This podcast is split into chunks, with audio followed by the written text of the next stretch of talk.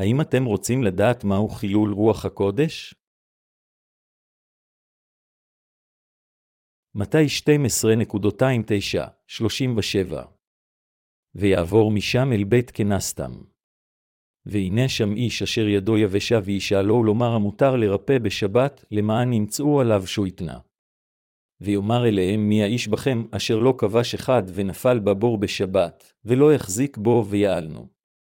ומה יקר אדם מן הכבש לכן מותר להיטיב בשבת. ויאמר אל האיש פשוט את ידיך ויפשוט אותה ותרפא ותשב כידו האחרת. ויצאו הפרוסים והתייעצו עליו לעבדו. וידע ישוע ויסר משם, וילך אחריו המון עם רב, וירפן כולם. ויצאו אותם בגערה שלא הגיעו. למלט את אשר דיבר ישעיהו הנביא לאמור. הן עבדי בחרתי בו ידידי רצתה נפשי נתתי רוחי עליו, ומשפט לגויים יוציא. לא יצעק ולא יישא, ולא ישמע בחוץ קולו. קנה רצוץ לא ישבור, ופשטה כהל לא יכבנה, עד יוציא לנצח משפט. ולשמו גויים יחלו. אז הובא אליו איש עיוור ואילם אשר אחזו שד ורפאהו וידבר האילם, וגם ראה. וישתוממו כל המון העם, ויאמרו אחי זהו בן דוד. והפרוסים כשמעם זאת אמרו זה איננו מגרש את השדים כי אם על ידי בעל זבוב שר השדים.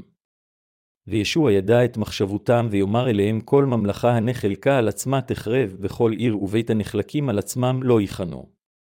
והשטן אם יגרש את השטן, נחלק על עצמו, ויקחה תחון ממלכתו. ואם אני מגרש את השדים בבעל זבוב בניכם במי הם מגרשים אותם על כן, המה יהיו שופטיכם. אך אם ברוח אלוהים אני מגרש את השדים, הנה הגיע עליכם מלכות האלוהים. או איך יוכל איש לבוא לבית הגיבור ולגזול את כליו אם לא יוסר בראשונה את הגיבור, ואחר ישסה את ביתו. כל אשר אינני איתי הוא לנגדי, ואשר איננו מכנס איתי הוא מפזר. על כן, אני אומר לכם כל חטא וגידוף יסלח לאדם, אך גידוף הרוח לא יסלח לאדם. וכל אשר ידבר דבר חרפה על בן האדם יסלח לו, והמחרף את רוח הקודש לא יסלח לו לא בעולם הזה, ולא בעולם הבא. או עשו את העץ טוב ופריו טוב, או עשו את העץ משחת ופריו משחת, כי בפריו ניכר העץ. ילדי הצפונים איכה תוכלו למלל כי טוב, ואתם רעים כי משפט הלב ימלא לפה. האיש הטוב מעוצר ליבו הטוב מוציא את הטוב, והאיש הרע מעוצר ליבו הרע מוציא רע. ואני אומר לכם כל מילה בטלה אשר ידברו בני אדם ייתנו עליה חשבון ביום הדין. כי מדבריך תצדק ומדבריך תחויב. מהו החטא של אמירת דברים נגד בן האדם? ממתי 12.29 ואילך, אנו רואים ויכוח אשר נוצר כאשר ישוע ריפי חולה ביום שבת. לפני אירוע זה, אנו ראינו כיצד התלמידים של ישוע הוכו על ידי הפרושים על שכתפו ראשי תבואה ואכלו אותם ביום השבת, אך למרות הביקורת שלהם, ישוע המשיך וריפא אנשים חולים אפילו ביום שבת. ישוע ריפא אדם אשר היה בא על ידי מנוונת, והוא גם ריפא אדם אחוז שדים, עיוור ואילם ביום ההוא. כתוצאה מכך, הוא קיבל יחס כשר השדים על ידי הפרוסים כפי שהם האשימו. זה איננו מגרש את השדים כי אם על ידי בעל זבוב שר השדים, הפרושים היו אכן אנשים טיפשים כיוון שהם לא הכירו בתפקידו של ישוע המשיח, כפי שהם לא הבינו שבן האלוהים יבוא לעולם הזה כבן אדם וירפא את החולאים גם של הגוף וגם של הנפש. זוהי הסיבה מדוע הפרושים הוקיעו את ישביה כאחוז שדים. בכל אופן, אדונינו אמר לפרושים, על כן אני אומר לכם כל חטא וגידוף יסלח לאדם, אך גידוף הרוח לא יסלח לאדם. וכל אשר ידבר דבר חרפה על בן האדם יסלח לו, והמחרף את רוח הקודש לא יסלח לו לא בעולם הזה, ולא בעולם הבא. מתי 12.231-32 ישוע אמר שכל החטאים של כולם בעולם הזה יכולים להימחל, אך חילול רוח הקודש אינו יכול להימחל. הנושא המשותף המונח בסוד שני הפסוקים הוא, אם מישהו מחלל את רוח הקודש או מתייצב כנגדה, לא יכול להימחל בעולם הזה, וגם לא בעולם הבא, מהו אם כן חילול רוח הקודש? אנו צריכים להיות בעלי הבנה ברורה לגבי מהו החטא של חילול הרוח, ועלינו לוודא שאנו לא נכשלים בחטא שכזה. ישוע מושיענו הוא בן האלוהים. ישוע זה בא לעולם הזה כשהוא מתגלם בגוף אדם, והושיע את כל החוטאים מכל חטאיהם ומחרבונם, אך לנו יש את הברירה אם להאמין בו כמושיענו או לדחות אותו. ישנה אפשרות לאנשים להגיד, אינני מכיר בישוע כבן האלוהים, וגם אפשרי מבחינתם לא להאמין בו. אחדים יכולים לעורר עניין גדול מלידתו ולהוקיע אותו. יותר מכך, יש גם את אלה אשר, מכיוון שהם אינם מאמינים בישוע, אינם מעשים לנאצו. חטאים אלה הם חטאים של אמירת דברים כנגד בן האדם. אך אפילו כל החטאים שכאלה יכולים להימחל אם האדם חוזר בתשובה מדרך החיים שלו החוטאת, מכיר בישוע כבן האלוהים, ומאמין בבשורת המים והרוח. מה אם כן הוא, חילול ודיבור כנגד רוח הקודש? הרשו קודם לתת לכם תשובה נכונה. חילול רוח הקודש זה לא להאמין אלא לחלל את עבודת הישועה אשר ישוע הוציא לפועל למעננו, כלומר, לסרב להאמין שישוע בא לעולם הזה כשהוא מתגלם בגוף, ושהוא הושיע את בני האדם מהחטא, הוא הוטבל על ידי יוחנן המטביל ושפך את דמו. אלה הדוחים או מסרבים להאמין באמת זו מבצעים את החטא של חילול רוח הקודש, ולכן לעולם לא ימחל להם. אנו חייבים אם כן להבין עד כמה נורא חטא זה של חילול רוח הקודש. כאשר אדונינו היה בעולם זה, הוא ביצע את כל עבודותיו של בשורת המים והרוח. כל מי שליבו אינו מאמין בכל מה שהוא עשה למעננו, ובמקום זאת מתייצב נגדו, הוא מבצע את החטא הנורא של חילול רוח הקודש. לכן, אלה המסרבים להאמין בבשורת המים והרוח, נכשלים לעולם בחטא זה של חילול רוח הקודש. אדונינו ישוע נולד בעולם זה כשהוא מתגלם בגוף אדם באמצעות גופה של אישה אשר נקראה מרים. כאשר הוא הגיע לגיל שלושים, הוא הוטבל בנהר הירדן על ידי יוחנן המטביל, נציגם של בני האדם, ובאמצעות טבילה זו הוא קיבל את כל חטאי בני האדם אחת ולתמיד. לאחר מכן הוא הלך אל הצלב ונצלב למוות וכך מילא את כל הצדקה. בעשותו את כל הדברים האלה, הוא שטף את כל החטאים של העולם הזה. כאשר הוא עמד להתאבל, הוא אמר ליוחנן, הניחה לי כי כן נבע לשנינו למלא כל הצדקה, מתי שלוש וחמש עשרה דקות. מכיוון שישוע זה קיבל למעשה את כל החטאים של כל בני האדם כאשר הוא הוטבל על ידי יוחנן המטביל, אלה המאמינים יכולים להישתף מכל חטאיהם. מכיוון שישוע בא כמושיע החוטאים, הוא לקח את כל חטאי העולם על ידי שהוטבל בידי יוחנן המטביל. לכן, ישוע זה אשר הוטבל על ידי יוחנן המטביל החטיף את חטאי העולם, נצלב, ועל ידי כך מילא את כל צדקת האלוהים אחת ולתמיד. זוהי בשורת המים והרוח אשר אלוהים נתן לנו. אמרתי שין, אי אמונה בבשורת אמת זו, היא החטא של חילול רוח הקודש. הסיבה לכך היא כיוון שישועת השילוש הקדוש את בני האדם מחטאיהם, הושגה באמצעות בשורת המים והרוח, ולכן אי אמונה בבשורה זו יוצרת חילו רוח הקודש. לפיכך, אלה אשר אינם מאמינים בבשורת המים והרוח אשר אנו מלמדים היום, ובמקום זאת מתייצבים כנגדה, הם אלה אשר מבצעים את חטא חילול רוח הקודש. חילול רוח הקודש נמצא בחטא של אי האמונה במה שהשילוש הקדוש עשה למעננו. חטא זה קשור לסוג האמונה אשר אינה מאמינה בבשורת המים והרוח, ולכן עושה את המעשה הרע ביותר.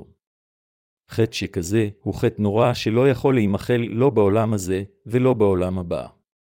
בישוע המשיח, אלוהים האב תכנן את ישועת בני האדם מחטאיהם אפילו לפני יסוד העולם, והוא גרם לישוע לבצע תוכנית זו. כיוון שישוע המשיח בן האלוהים נולד בעולם זה והוטבל על ידי יוחנן כדי לקבל את כל חטאי העולם הזה לפני שנצלב, הוא הפך לשהאלוהים אשר נשא את כל חטאי העולם. שא האלוהים הזה אשר נשא את חטאי העולם הזה, ישוע המשיח, הושיע אותנו באמצעות בשורת המים והרוח. היום, אפילו בין אלה המתיימרים להאמין בישוע כמושיעם, אנו עדיין נתקלים ברבים המבצעים את חטא חילול רוח הקודש. הם כה עקשניים וטיפשים שהם מעיזים לדחות את בשורת המים והרוח אפילו לאחר ששמעו אותה. אך אם הם לא מאמינים בבשורת האמת הזו כיוון שהם לא שמעו אותה עדיין, יש להם עדיין סיכוי להיוושע. החטא שהאנשים האלה עושים בגלל בערותם לגבי האמת האמיתית של הישועה שייך לא לכת חילול רוח הקודש, ולא לכת המביא אותם למוות. הראשונה ליוחנן 5 ו-16 דקות. על ידי האמונה בבשורת המים והרוח, כל החוטאים של העולם הזה יכולים לקבל את מחילת חטאיהם על ידי האמונה. אך אלה אשר אינם מאמינים בבשורת המים והרוח, אף על פי שהם מכירים אותה, אינם יכולים להימחל מכל חטאיהם, כיוון שהם ביצעו את החטא של חילול רוח הקודש. זה מכיוון שרק לבשורת המים והרוח יש את הכוח לשטוף את כל חטאיהם. אם האדם לא מאמין, אלא דוחה את מה שישוע המשיח בן האלוהים עשה למעננו כאשר הוא בא לעולם זה, כלומר, העובדה שהוא נשא את חטאי העולם על ידי שהוטבל על ידי יוחנן ושטף את דמו על הצלב.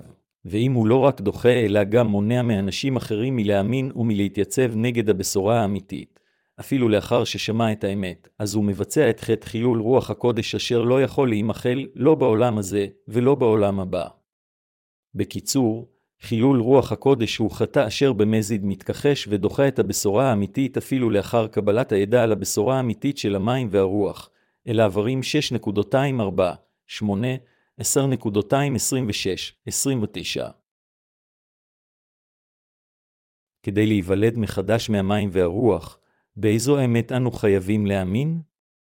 בשלישית ליוחנן, ישוע אמר לנקדימון, כאשר האדם נולד מחדש מהמים והרוח, הוא יכול לבוא אל מלכות האלוהים וגם לראות את האב. אך כל עוד האדם אינו נולד מחדש, הוא לא יכול להיכנס ולא לראות את מלכות השמיים. כדי לגאול חוטאים מרשותם אלוהים האב שלח את בנו ישוע המשיח לעולם זה כדי למלא את רצונו. אלוהים האב גרם לישוע להתאבל כדי לקחת את כל חטאי העולם, ואפשר לו למות על הצלב כשהוא נושא את חטאי העולם, לקום מן המתים שוב, ולהתרומם לגן עדן. לאחר שהשלים את התפקיד של בשורה זו של המים והרוח, אדונינו התרומם לגן עדן, ולאחר מכן אלוהים אפשר לרוח הקודש לבוא לליבם של אלה המאמינים בו. עתה רוח הקודש שוכנת בנו ומדריכה אותנו לעד. כך, אדונינו נתן את דבר הבשורה של המים והרוח לכל החוטאים, והוא גאל את כל החוטאים מכל חטאיהם.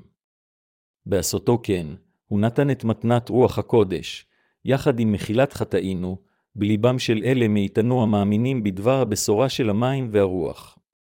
כל פעולות האמת הלא הן הפעולות של המים והרוח, והן האמת של מחילת החטאים המרוכזת בבשורת האמת של המים והרוח. לפיכך, אנשים חייבים להבין שכל עוד הם לא מאמינים בכוח בשורת המים והרוח, הם לא יוכלו לקבל את מחילת חטאיהם ולא להתחמק מהחטא של חילול רוח הקודש. הם חייבים להימנע מכך על ידי אמונה. מכיוון שאנשים אינם מאמינים בדבר בשורת המים והרוח ולא מצייתים לה, הם לעולם לא יהיו מסוגלים לקבל את מחילת חטאיהם. זה מכיוון שרוח הקודש וישוע הם גם אלוהים בשבילנו, כמו שהאב הוא אלוהים. זה מכיוון שהשילוש הקדוש בא אלינו באמצעות עבודותיהם של האב, הבן ורוח הקודש, הוא עדיין אותו דבר, אלוהים אחד בשבילנו. מכיוון שאלוהים תכנן את ישועתנו לגאול אותנו מחטאינו, ומכיוון שהוא ביצע והשלים את עבודתו כפי שהוא תכנן למחוק את חטאינו, כל מי שדוחה עבודות אלה של ישועה אפילו לאחר ששמע עליהם, הוא מבצע את חטא חילול רוח הקודש, ולכן לעולם ואף לא יוכל להשתחרר מחטאיו. בבשורה על פי מתי כתוב מה שתלמידו של ישוע בשם מתי ראה ושמע כאשר הוא הלך בעקבותיו. בשביל שנראה את הפעולות שישוע ביצע, עלינו לקרוא קודם את ארבעת הבשורות. בקורא את ארבעת הבשורות האלה, אני שוב נזכר עד כמה מדהים הוא דבר ישוע. אני מבין, דבר ארבעת הבשורות הוא באמת אמת מדהימה. לא רק מה שישוע עשה כתוב שם, אלא רק כאשר אני מנסה להבין אותן בהתבססות על בשורת האמת של המים והרוח, אני יכול להבין למה באמת ישוע התכוון, עד אשר האדם יודע ומאמין בבשורת האמת של המים והרוח, הוא לעולם לא יוכל לתפוס מהו רצונו של אלוהים. ישוע אמר לנקדימון שרק הנולדים מחדש יכולים להיכנס ולראות את מלכות האלוהים. המשמעות של זה היא שעד שהאדם לא נולד מהמים והרוח, הוא לא יוכל להיכנס לראות את מלכות האלוהים. לכל מי שבעולם זה, אני אמשיך להשמיע את בשורה זו של המים והרוח, ולהסביר איזה סוג של חטא הוא חטא חילו רוח הקודש. אדונינו בא לעולם זה ולמעשה נשא את כל חטאי העולם על ידי שהוטבל בגלל חטאינו. באמצעות טבילתו, ישוע קיבל את כל חטאינו, ולא השאיר אף אחד מאחוריו, ושטף את כולם. אחת ולתמיד, הוא נשא אל הצלב את כל החטאים של כל מי שמאמין בו, ולא השאיר אפילו את החטא הקטן ביותר. לאחר מכן, הוא בצורה ייצוגית הורשע על ידי שנצלב פעם אחת, קם לתחייה מן המתים, ועל ידי כך הפך למושיענו הנצחי אחת ולתמיד. בכל אופן, אלה אשר אינם מאמינים באמת זו של המים והרוח אפילו לאחר ששמעו אותה, לעולם ייכשלו בחטא חילול רוח הקודש. לרפא את תחלואי הבשר, זו לא התכלית הראשית של אלוהים. הקשיבו בקפדנות למה שאמר אדונינו במתי שבע שהוא יגיד לשקרנים. הוא אמר שכאשר רבים יגידו לו, ישוע, ישוע, האם לא ניבאנו בשמך, גרשנו שדים בשמך, ועשינו נפלאות בשמך, הוא אמר שאז הוא יענה להם. מעולם לא ידעתי אתכם סורו ממני פועלי יוון, מהי העבודה הנפלאה ביותר שישוע עשה כאשר הוא בא אלינו בני האדם, ומהי התכלית הנפלאה ביותר לבואו? זוהי פעולתו הצדיקה אשר מחקה את כל חטאינו לבנים כשלג עם דבר בשורת המים והרוח, כדי לעשותנו לילדי האלוהים. זהו רצונו של אלוהים. ואמונה המאמינה בכך היא אמונה העולה בקנה אחד עם רצונו של אלוהים. רצונו של אלוהים זה לשטוף את חטאי בני האדם ולמחוק אותם עם בשורת המים והרוח, לא רק לרפא את תחלואי הבשר. מה, אחרי ככלות הכל, הוא עניין כה גדול לרפא חולי פיזי של אדם? לפני זמן לא רב, מישהו מחו"ל בא לקוריאה כדי לבחון את אמיתות האמונה של אלה הטוענים שהם יכולים לגרש שדים בשמו של ישוע המשיח ולעשות ניסים ונפלאות. הוא שם מיליון דולר כפרס, והבטיח לתת את הכסף הזה למישהו אשר יוכל להראות את כוחו העל-טבעי. הוא הבטיח זאת בצורה פומבית בתוכנית טלוויזיה. הוא עשה זאת גם בארצות הברית וגם בבריטניה, ועתה הוא בא לקוריאה לעשות את אותו דבר. כאשר אדם זה בא לקוריאה ואתגר את כל אלה אשר טענו שיש להם כוחות על-טבעיים, שיוכיחו את כוחם, הוא אמר להם ביעילות, צאו החוצה, בוא ניישב עניין זה אחת לתמיד באופן ציבורי. אם אתם באמת יכולים לרפא את החולים ולפתוח את עיניהם של העברים על ידי הנחת ידיכם עליהם, אני אתן לכם מיליון דולר כהרף עין, אך האנשים אשר נהגו לטעון שהם עושים מעשי ניסים נשארו בשקט. לבסוף, אף אחד לא נענה לאתגר. האם אתם מכירים את כוחה של בשורת המים והרוח? האם אתם מאמינים בה? הבשורה היחידה האמיתית שאדונינו דיבר עליה היא בשורת המים והרוח. בכל אופן, כל כך הרבה נוצרים היום אומרים שהם יכולים ללכת לגן עדן כל עוד הם מאמינים בישוע כמושיעם, אפילו שאינם יודעים את בשורת האמת של המים והרוח. אמונה שכזו היא בשורה אשר עוצבה בצורה עצמאית על ידי מחשבותיהם של בני האדם. על מה שהתנ"ך מדבר היא בשורת המים והרוח, ולכן, אם מישהו אומר שהוא קיבל את מחילת החטאים לתוך ליבו אפילו שהוא אינו יודע את בשורת המים והרוח, הוא רק משקר לפני אלוהים. ההוכחה לכך היא העובדה שחטאיו נשארים שלמים בליבו. אנשים שכאלה, לא משנה עד כמה הם טוענים שהם מסוגלים לרפא את תחלואי הבשר בעזרת כוחו של אלוהים, הם כולם נביאי שקר. כמובן, הם יכולים לעשות זאת כפי שהם רוצים וייתכן שאנשים יחשבו שעבודתם היא עבודת רוח הקודש. בכל אופן, אלוהים בעצמו לעולם לא יאשר את אמונתם, אלא יכנה אותם צבועים. מכיוון שחטאיהם עדיין בליבם, מה שהם עושים אינה עבודה של רוח הקודש, אלא עבודתו של השטן. על פי קטע כתב הקודש של היום, מהו חטא חילול רוח הקודש, ומה זה התייצבות כנגדו, אשר נידונים בקטע הזה? אם מישהו מחלל את רוח הקודש ומתייצב כנגדו, לעולם לא יוכל להימחל לו. חטא זה הבלתי נסלח הוא כדלהלן, אלוהים בעצמו, אדונינו, בא לעולם הזה, ועל ידי שהוטבל בידי יוחנן המטביל בנהר הירדן, הוא קיבל את כל חטאינו, את כל החטאים אשר אנו מבצעים במשך חיינו, רבים ככוכבי השמיים, רחבים כערפילי הבוקר, ועבים כעננים קהים. לאחר מכן הוא נצלב כדי לשפוך את דמו למוות, קם לתחייה מן המתים, ועל ידי כך הושיע את כולנו. חטאי האמונה באמת זו הוא חילול רוח הקודש.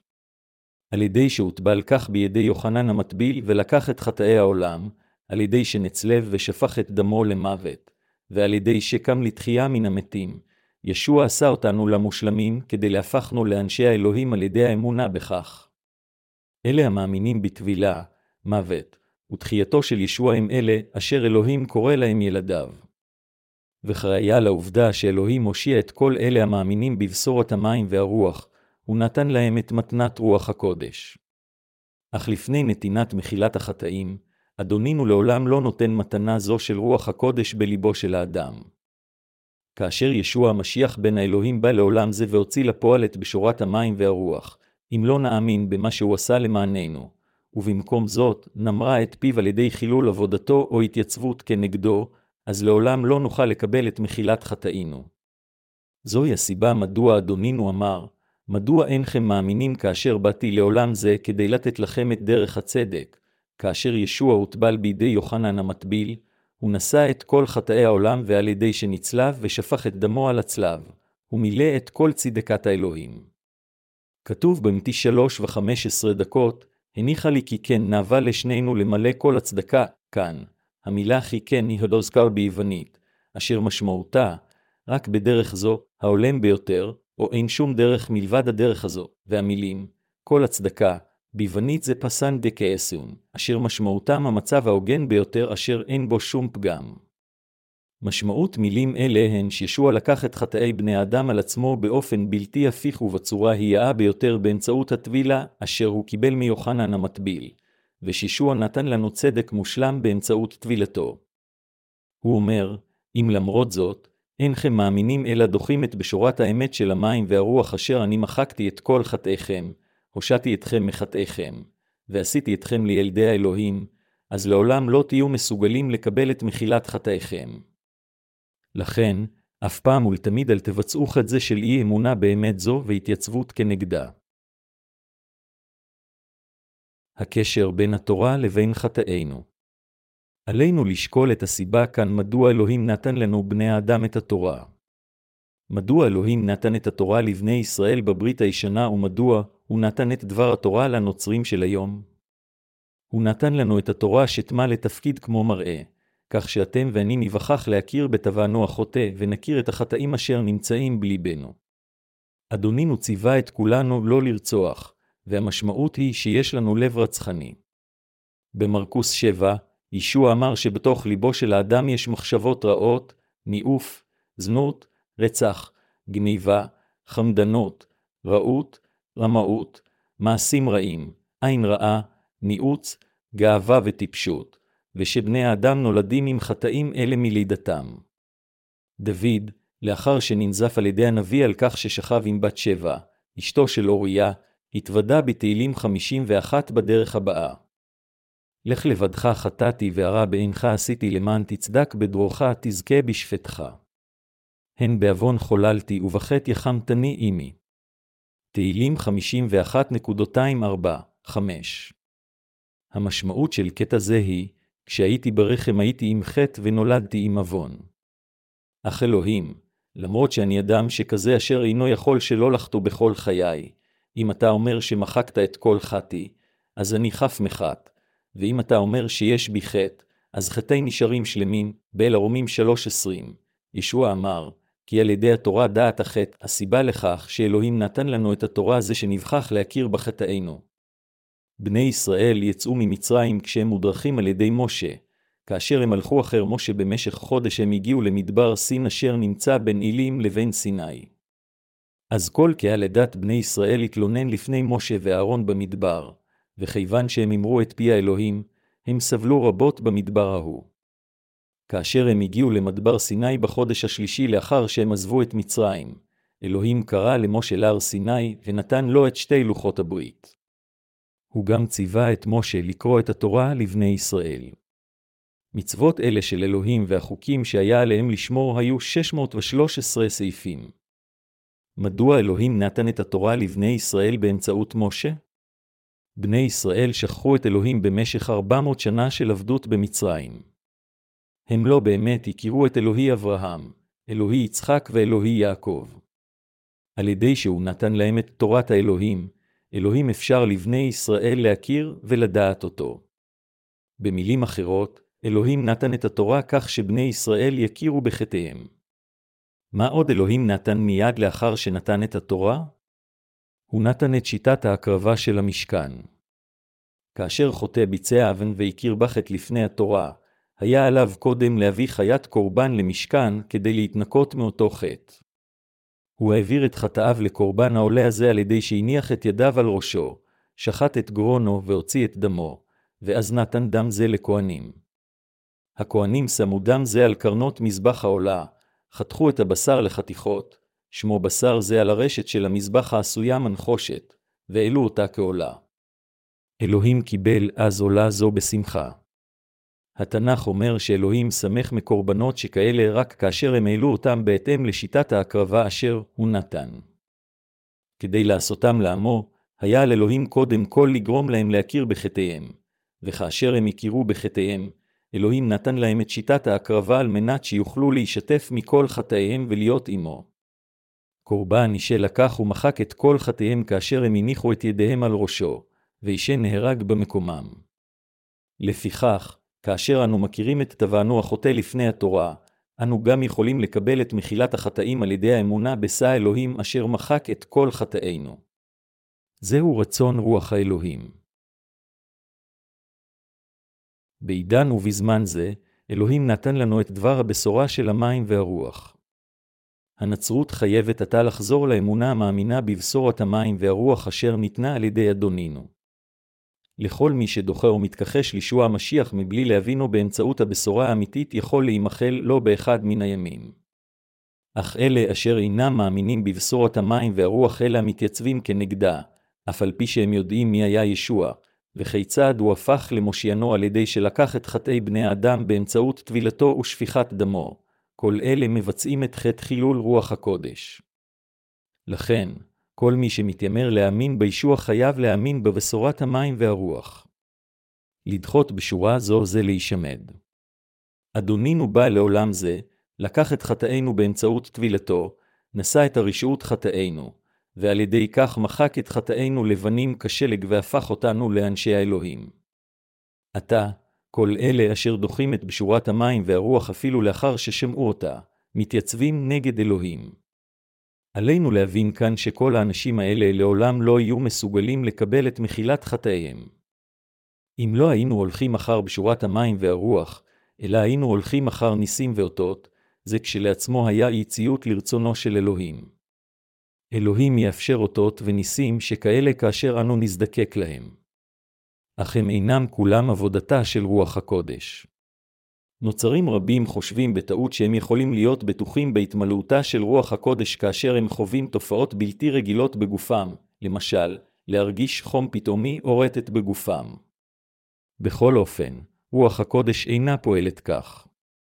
תופעות צעקניות שכאלה, אשר אין להם שום קשר למחילת החטאים, הן ללא ספק פעולותיו של השטן. רוח הקודש פועלת בשקט בהתאם לדבר האלוהים בליבם של המאמינים בבשורת המים והרוח. חבריי מאמינים יקרים. בזמן ובעת הזו, עם בשורת המים והרוח אנו מרפאים את לב כולם מתחלואי החטא.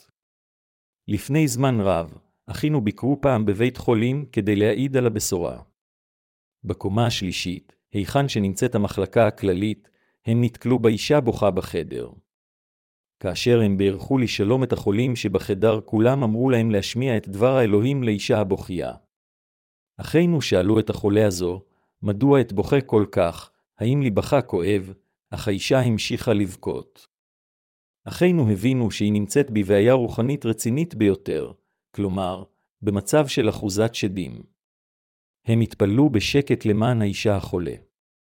ישוע היקר, בבקשה גה בליבה של אחות זו, לטף ורפא אותו, כאשר היא נרגעה, אחינו שאלו אותה מדוע היא בכתה כל כך.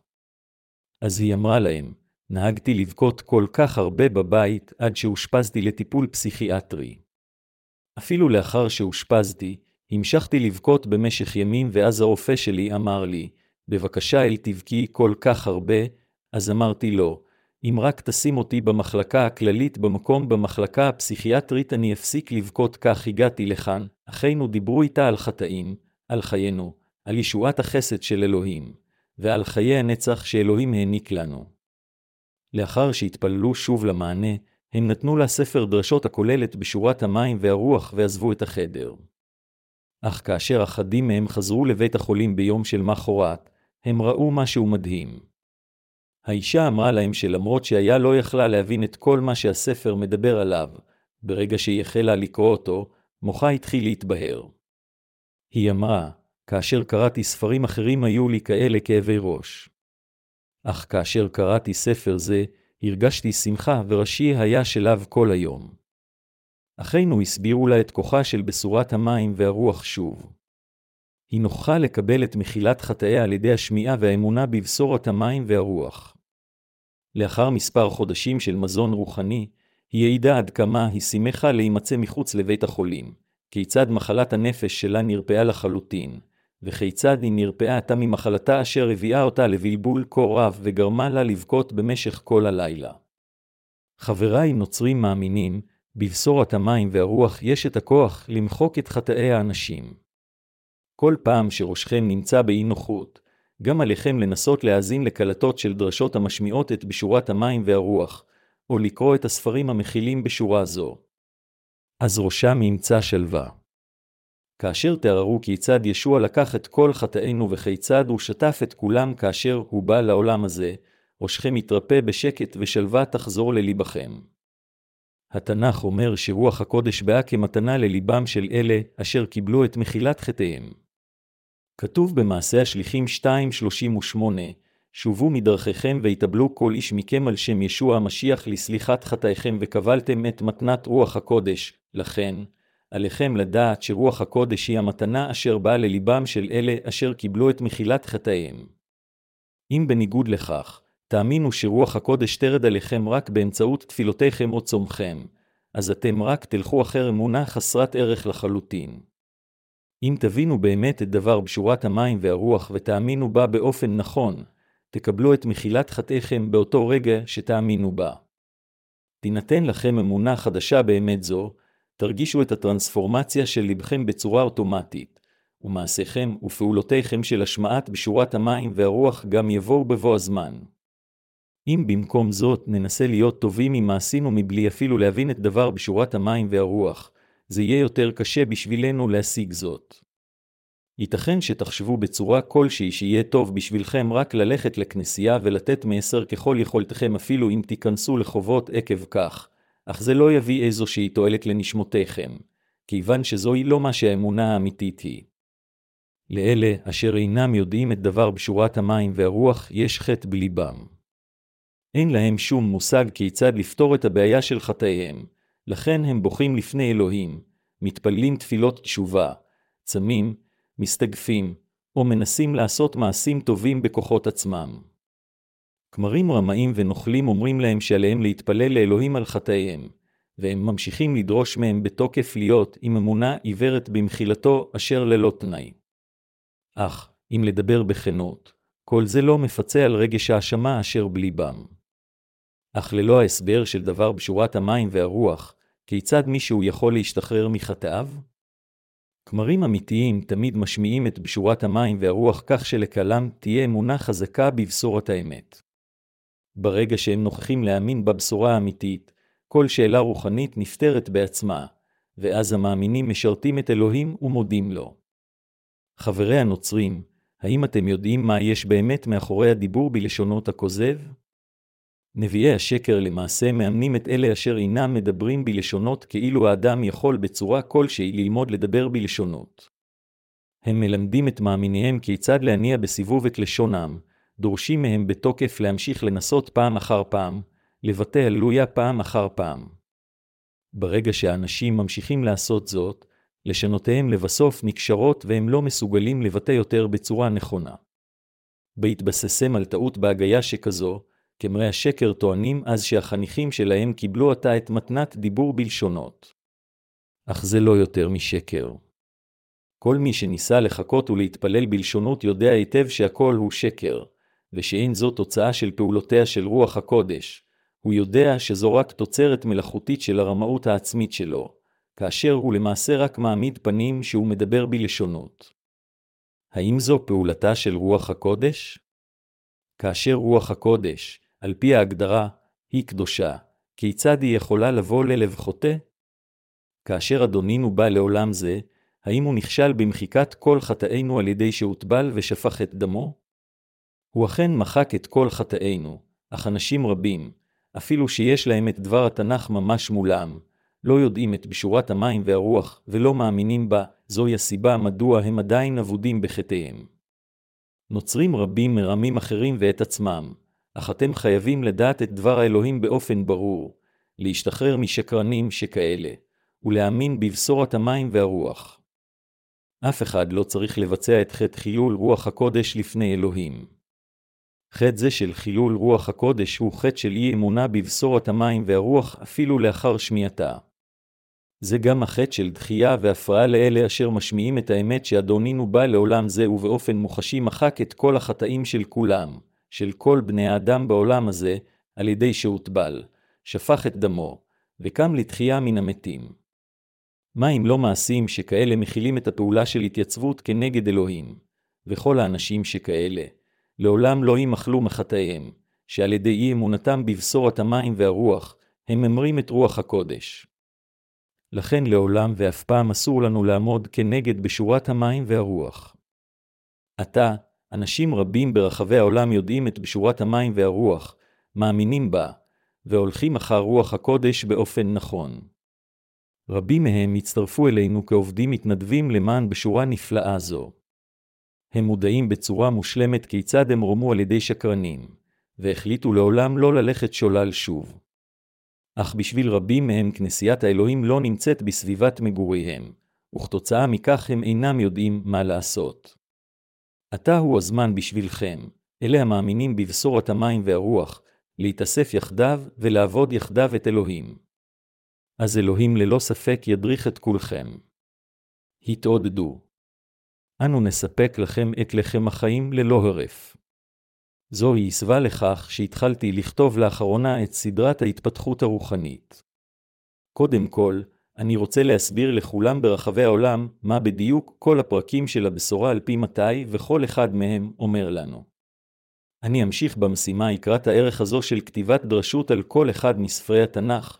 אני רוצה שספרנו המכילים את בשורת המים והרוח יתורגמו לכל השפות שבעולם, לחלוק אותם עם כולם ברחבי כל העולם, ולהזין את כל המאמינים. זה אינו דבר שאני יכול לעשותו לבד בעצמי, אלא זה משהו שכולנו חייבים לעשות יחדיו עם שותפינו. לאלה אשר עדיין אינם יודעים את בשורת המים והרוח עלינו להיות, כמו השומר אשר תוקע בשופר. מה אתם חושבים השומר האמיתי עשה לפני אלוהים? הנביא ישעיה אמר, והיה באחרית הימים נכון יהיה הר בית יהיה בראש הערים ונשא מגבעות ונערו אליו כל הגויים, ישעיה 2.22 באחרית הימים אנשים רבים יבקחו לדעת את בשורת המים והרוח, ויבינו שבשורה זו היא האמת האמיתית. הם יחזרו לאלוהים, יקפצו כצבעים מתוך הודיה, ישמיעו את בשורת המים והרוח בשפתיהם בשמחה, ישרתו את ישוע באושר, ויעלו אותו בהכרת תודה העולה על גדותיה. אם אלוהים אמר שזה מה שיקרה בסוף הזמנים, אז זה ללא ספק אכן יתגשם. אלוהים פועל עתה באמצעותנו כדי לגרום לדברים אלה לקרות. ישוע אמר, וידעתם את האמת, והאמת תשימכם לבני חורין, כאן, האמת היא שום דבר אחר מלבד בשורת המים והרוח, כלומר, בשורת ישועתנו, אלא אפסיים אחת ושלוש עשרה דקות. לחיות חיי אמונה מבלי אפילו לדעת מהי בשורת האמת של המים והרוח, זה לא לחיות חיי אמונה אמיתיים. אם מישהו מקדיש את עצמו לדת הנקראת נצרות מבלי אפילו לדעת את בשורת המים והרוח, מבלי דת הוא מבצע עבודת אלילים. ברחבי העולם, ישנם שותפים רבים של המיסיון שלנו המאמינים בבשורת המים והרוח. אני נותן את תודתי לאלוהים על שלימד אותנו את האמת של המים והרוח. אנו כולנו חייבים להודות לאדוננו על שאפשר לנו לא לבצע את חטא חילול רוח הקודש, על שאפשר לנו להאמין בבשורת המים והרוח, ועל שלעולם הושיע אותנו מכל חטאינו. הללויה.